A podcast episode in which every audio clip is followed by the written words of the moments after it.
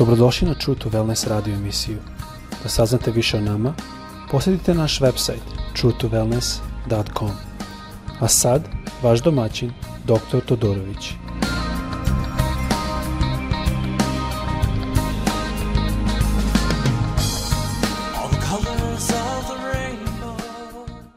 Dobrodošli na naš podcast, pozdravljam vas iz Floride gdje ja živim. Želim trenutno da podelim s vama priču koju verujem da smo mi svi čuli, da smo mi svi do sada pročitali, ali malo ipak eh, danas da pogledamo šta ovdje kaže reč Božjom Mateju 25. glava počevši sa 14. stihom.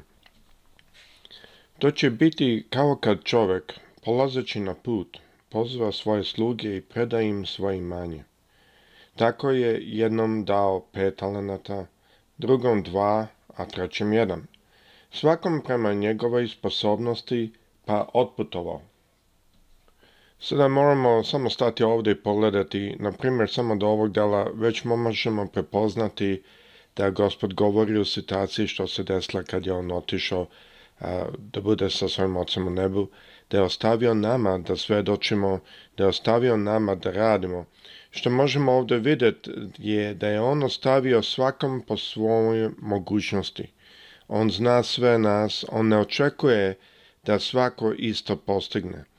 On ne očekuje da svako jednako postigne. I sada to je zanimljivo, mnogo puta vidimo kasnije, vidjet ćete ovdje kasnije, da on jednako meri ne koliko ste apsolutno postigli, nego u odnosu na ono što ste dobili. Sada nastavljamo da čitamo u 16. stihu da kaže Onaj što je primio pet talenata, odmah ode, poslova s njima i zaradi drugih pet. Isto tako je i onaj sa dva talenta zaradio druga dva. A onaj koji je dobio jedan talenat, ode, iskopa jamu u zemlji i sakrije novac svog gospodara. Posle dužeg vremena vrati se gospodar onih slugu i počeo da sređuje računa sa njima. Tada pristupi onaj sluga koji je dobio pet talenta i donese pet drugih, govoreći, gospodaru, dao si mi pet talenta i ja sam, evo, zaradio i drugih pet. Gospodar mu reče, vrlo dobro, valjani i verni slugo. Pokazao si se pouzdanim u malim stvarima, poverujući ti mnogo više. Uđi i proveseli se sa svojim gospodarom. Pristupi drugi sluga pa reče gospodaru, dao si mi dva talenta i ja evo a, zaradio druga dva. Gospodar mu reče, vrlo dobro valjani i verni slugo, pokazao si se pouzdanim u malim stvarima, poverujući ti mnoge više. Uđi i proveseli se sa svojim gospodarom. Zastanimo e ovdje, ove kraj 23. stiha. Zašto je bitno da ovdje pogledamo je da vidimo da je gospod njima jednako odgovorio. Jedan mu je dono pet talenata ekstra, što znači total 10, dok drugi je dono svega total četiri, znači dva što je zaradio i dva što je dobio. Možete vidjeti da je gospod koristio potpuno iste riječi kad je govorio jednom i drugom. Gospod je u oba dva slučaja rekao vrlo dobro valjani i verni slugo. Pokazao si se pouzdanim u malim stvarima, poverujući ti mnogo više. A ovdje vidimo da je gospod tao da vidi da je dobio nešto nazad. Ako računamo statistički, vidjet ćemo da oba su doneli nazad tačno 100%. Iako je jedan dono nazad 10, a drugi 4, ali povećanje, to jest povišenje od što je gospod imao i dao njima na početku je jednako. I tako da možemo u tome vidjeti kao i u nekim drugim pričama, kao na primjer priča da je vinogradar otišao i ujutro pozvao ljude na svoj vinograd, pa poslije u toku dana pozivao, vidimo da je svako dobio isto, istu zaslužbu zato što je radio u vinogradu bez razlike na kako bi mi kao ljudi gledali. Ovo je prva lekcija što možemo ovdje vidjeti, da mi kao ljudi možda bi stavili prilično razlike na pet ili na dva ili na deset ili na četiri, kako god pogledamo. Ali to Bog nije uradio. Ali sada vidimo u 24. stihu da pristupi onaj koji je dobio jedan talenat i reče Gospodaru, znao sam da si strog čovjek žnje da nisi posio i skupljaš da nisi vejo. Uplašen time otišao sam i sakrio tvoj talenat u zemlju. Evo ti tvoje. Gospodar mu reče, zli i lenjivi slugo. Znao si da žnjem da nisam posio i da skupljam da nisam vejo. Trebalo je, dakle, da uložiš moj novac kod onih koji posluju sa novcem, ja bih po povratku uzeo svoj novac sa kamatom. Zato uzmite od njega taj talenat i dajte onome koji ima deset talenata. Jer svakome koji ima, bit će dodato, još će pretecati, a od onoga koji nema, oduzet će se i ono što ima. A nekorisnog slugu izbacite u krajnju tajmu, tamo će biti plač i škrkut zuba. Sada ovdje vidimo par stvari. Prva stvar što mi je upala u oko je da je ovaj sluga došao i rekao znam da si takav, takav i takav. E sada, kako je njegovo mišljenje bilo o gospodaru?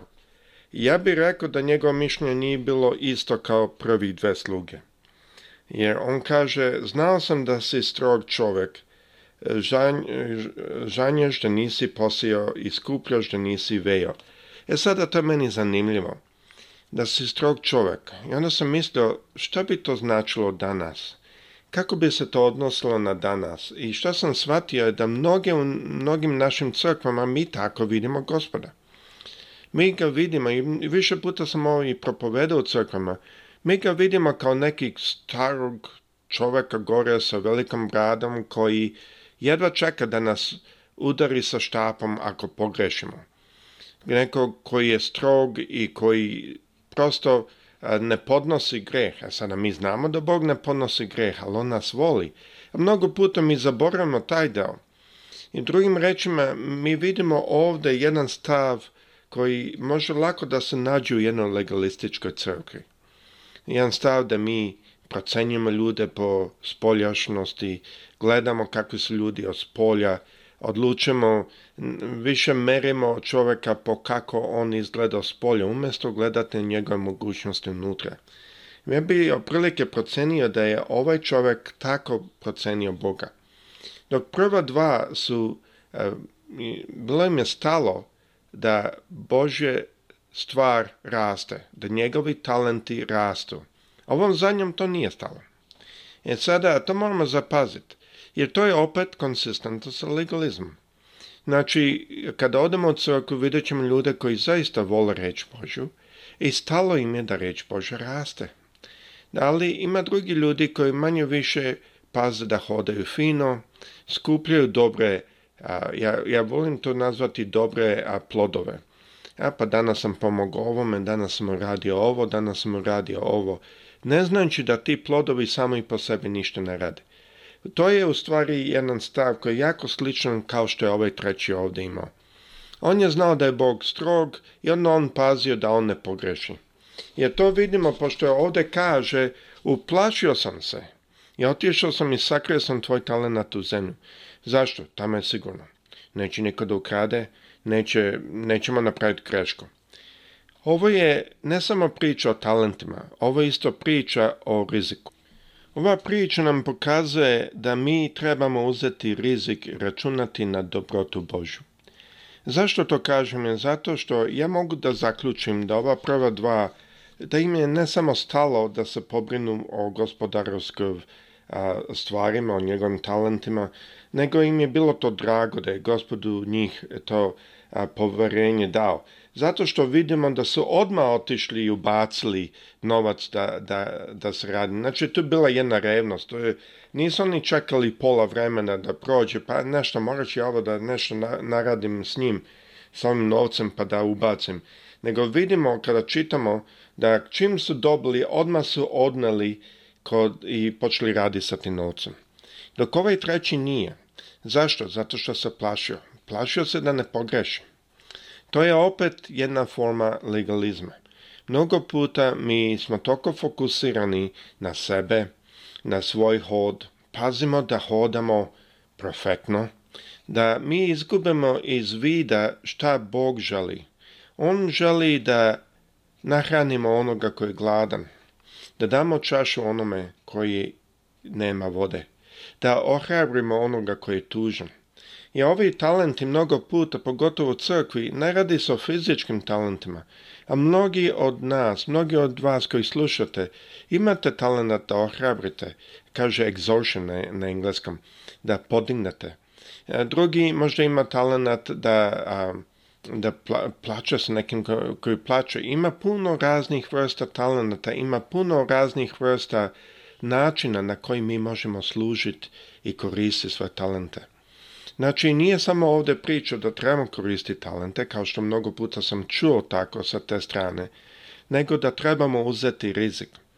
Vi vidite da nijedan koji je počeo raditi sa talentima da nije izgubio. Ja sada znam kao profesor biznisa da ako počnem raditi sa financijama ima šanse i da se izgubi. Ali ako znate koga služite, onda isto znate da on neće dozvoliti da izgubite ako vi radite sa talentima. On vam je dao dovoljno talenta koliko vama treba. Ali do vas i do mene je da ustanemo u veri i da počnemo raditi sa tim talentima. I ovo se odnosi mnogo puta na talente koje on nama dao, koje mnogo puta su o drugima, da pomognemo drugima, da podignemo druge.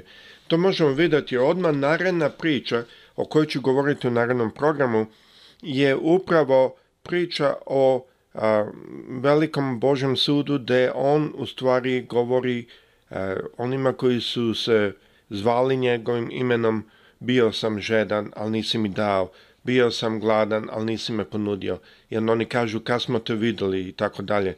I ovo ćemo pogledati jedno od narednih epizoda, ali jako je bitno da shvatimo da ovo nije samo reč o talentima.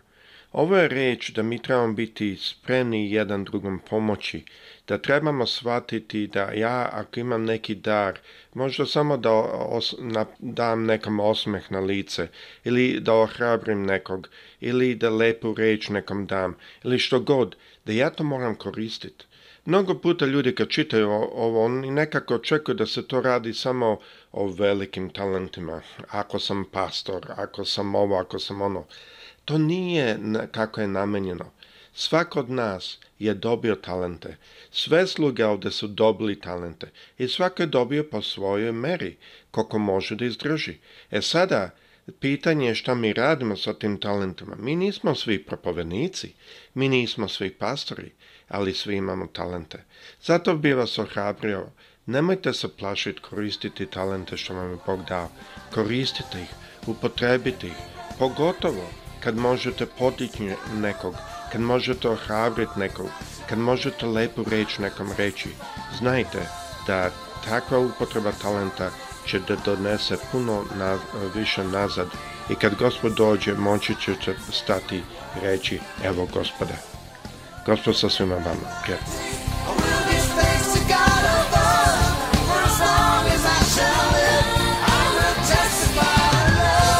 Slušajte True to Wellness radio emisiju. Pridružite nam se ponovo svaki utorak, četvrtak i subotu.